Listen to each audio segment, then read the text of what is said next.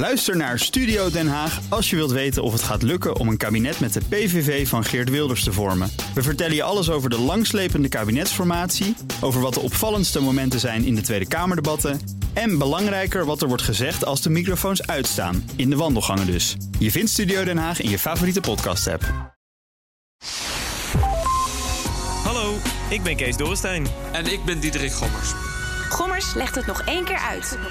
Goed dat je luistert naar Vraag het Gommers nog een keer, waarin we een vraag nog een keer behandelen omdat hij zo vaak binnenkomt. En Diederik, wil je weten wat het deze keer is? Ja, vertel eens. Oké, ehm, het gaat over aspireren. Leggen we zo uit wat dat is. Ehm, er komen meerdere vragen binnen die daarmee te maken hebben. En eigenlijk is de strekking: is het niet belangrijk om te aspireren voor het toedienen van de vaccins? Want er haalt ook iemand een onderzoek aan in Noorwegen waar niet geaspireerd wordt. Zijn 2,4 keer meer gevallen van myocarditis en pericarditis dan in Denemarken, waar wel geaspireerd wordt bij het vaccineren. Ehm, dat onderzoek ken ik niet, maar allereerst aspireren. Wat Ja. is dat? Nou, kijk, als je een klein naaldje, als je iemand prikt, en dat wil je dan eigenlijk in zijn spier, hè, dus onder de huid prik je iemand in zijn bovenarm, dan prik je in de spier. Maar wat je niet wil, dat je iemand in zijn bloed vat. Dus hè, de vloeistof, in dit geval het vaccin, wil je dan niet in een bloed direct spuiten. En daarom is eigenlijk normaal gesproken, als je dat doet, eh, prik je met die naald en dan haal je het heel even terug. Want op het moment dat je dan even aan die stamper als het ware trekt, dan komt er al of niet bloed. En als je niet in een bloedvat komt er geen bloed en dan spuit je het in. Zo hebben wij, en ik loop al een tijdje rond als dokters, geleerd hoe je dat zou moeten doen. Tegenwoordig doen ze dat niet meer. Dus ja, ze zeggen eigenlijk met zo'n klein dun naaldje in deze spier in die bovenarm, de kans dat je een bloedvaat raakt, is bijzonder klein. Er zitten eigenlijk ook geen grote bloedvaten, die zitten veel dieper. Kom je nooit met je naald. Dus, ehm, en de kleine bloedvaten van de spier zelf zou je dan misschien in terechtkomen. Maar omdat dat terug dat opzuigen, dan beweeg je die naald ook weer. Dus het is ook niet een garantie als je daarna, als je opgezogen hebt en je spuit het weer in, of je precies niet op dezelfde plek. Want je beweegt eigenlijk continu je spuitje. Dus is er besloten. eh, de kans dat dat zo klein is, je spuit het direct in. Nou, wat ze, die studie. eh, dat de werkwijze anders is in Noorwegen en Denemarken. Ja, dat suggereert dat er misschien toch wel een mogelijkheid zit. Maar ja, er spelen veel meer factoren een rol. Maar ik moet wel eerlijk zeggen dat ik een studie gelezen heb in een dierexperiment. Waarbij ze zeg maar dat gedaan hebben, nagebootst hebben in dieren. En daar vonden ze ook wel dat als je het in de bloedbaan direct in het bloed spuit, dat ze ook wat meer eh hartspierontsteking of eh hartzakje, hè, pericarditusontsteking ziet. Dus ja, er zou mogelijk aanwijzingen zijn, maar ook hier weer is de kans super, super klein. En, en het is niet gegarandeerd dat als je dat op het moment dat je het insteekt en je zuigt op, dat je dan die naald precies op dezelfde plek blijft. Dus ik denk dat het gewoon wat ze doen, praktisch gewoon eigenlijk heel verstandig is. Omdat eh, je anders aan het bewegen bent en dat, Ja. wat, welke nadelen kan het geven op het moment het dat kan je het wel nadelen, doet? maar dan heeft het een schijnveiligheid. Op het moment dat jij denkt van oké, ik zuig even terug, maar dan, dan beweeg je je hand en dan zuig je terug en denk je oh nee, ik zit goed. En dan spuit je hem in en dan ga je met je naaldje net weer een stukje dieper. Dus het is niet gegarandeerd. Ja, dan kan je het alsnog raken. Ja, dus het, en dan heeft het niet zoveel zin, want het, het is veel moeilijke handeling. Je moet hem eerst in de, in de spier zetten, dan moet je hem even terugzuigen en dan weer inzuigen. Ja, als dat kan ook toch- niet iedereen, denk ik. Dat kan ook denk ik niet iedereen.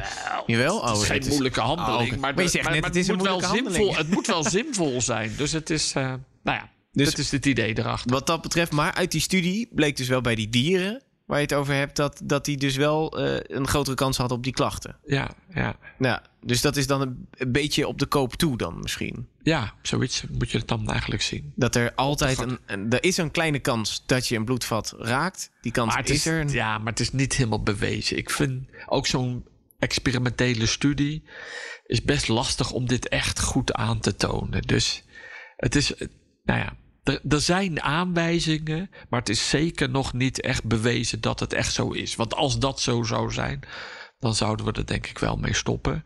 Ehm, maar goed, er zijn mogelijke aanwijzingen dat het een relatie heeft, maar daar spelen heel veel factoren een rol. We hebben trouwens ook even gezocht naar dat onderzoek, naar dat Noors-Deense onderzoek. Konden we niet vinden in de bestanden. Dus mocht je die wel hebben, stuur die door. Maar we hebben wel een ander uh, Chinees onderzoek gevonden hierover. Ja, en daar hebben ze dus in, in muizen. De ene groep hebben ze het mRNA uh, gespoten in de spier. En de andere in, in het bloed.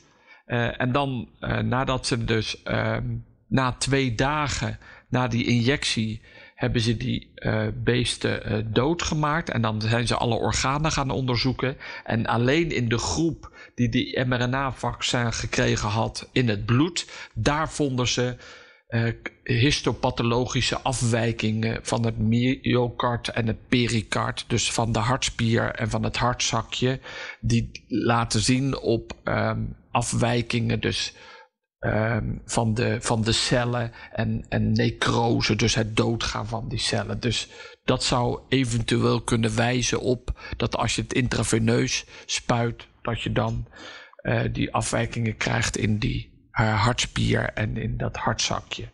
Maar dat is dan in muizen en dat, dat vergt dan eigenlijk verder onderzoek. Ja, voor hoe dat dan bij mensen uh, zit. Eventueel zou zitten. Exact. Maar we kunnen natuurlijk niet mensen allemaal in een bloedvaten gaan uh, inspuiten. Dat is natuurlijk nee, ook niet laten we dat vooral niet doen. Nee, dus dat zou op een andere manier onderzocht moeten worden. Maar dat is in ieder geval wat we weten. Ze hebben het met die studie bij muizen dus wel aangetoond.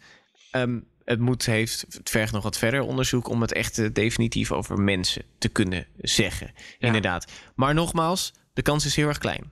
Ja, de kans blijft heel erg klein. Nou, ja, bedoel, hè, deze, in zo'n muizenstudie hebben ze dan een mechanisme.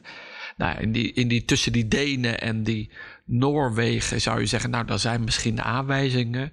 Uh, maar, maar die hele procedure van die naald erin stoppen en de kans dat je in je bovenarm een bloedvat raakt is bijzonder klein. En het terughalen en weer inspuiten, dan verplaats je ook die, die punt van die naald, zodat het ook een soort op moet passen dat het geen schijnveiligheid wordt. Omdat je die naald niet zo goed kan fixeren dat als je het even terughaalt uh, of, of op wil zuigen, dan is ook de beweging dat je de naald iets verplaatst in de spier. Exact, en daarom is er dus voor gekozen om dat niet te doen in ja. Nederland. Bij deze het antwoord op de vragen. Um, er moet dus meer onderzoek gedaan worden. Maar we hebben er in ieder geval in Nederland vanwege de kleine kans niet voor gekozen. Uh, er is dus ook een kleine kans. Dankjewel als je die vraag gesteld hebt. En heb je een andere vraag, die kan je natuurlijk nog steeds sturen voor de grote aflevering van de Vraag het Gommers podcast.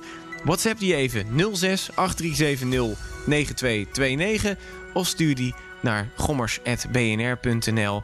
Over een paar dagen weer een grote met allemaal van dat soort vragen. Diederik, dankjewel weer voor de update. Yo!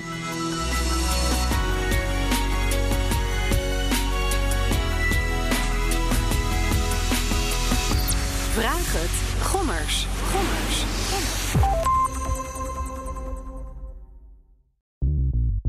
Bij BNR ben je altijd als eerste op de hoogte van het laatste nieuws. Luister dagelijks live via internet. Bas van Werven. En heel langzaam komt de zon op rond dit tijdstip. Je krijgt inzicht in de dag die komt op BNR, het Binnenhof in Nederland en de rest van de wereld. De Ochtendspits. Voor de beste start van je werkdag. Blijf scherp en mis niets.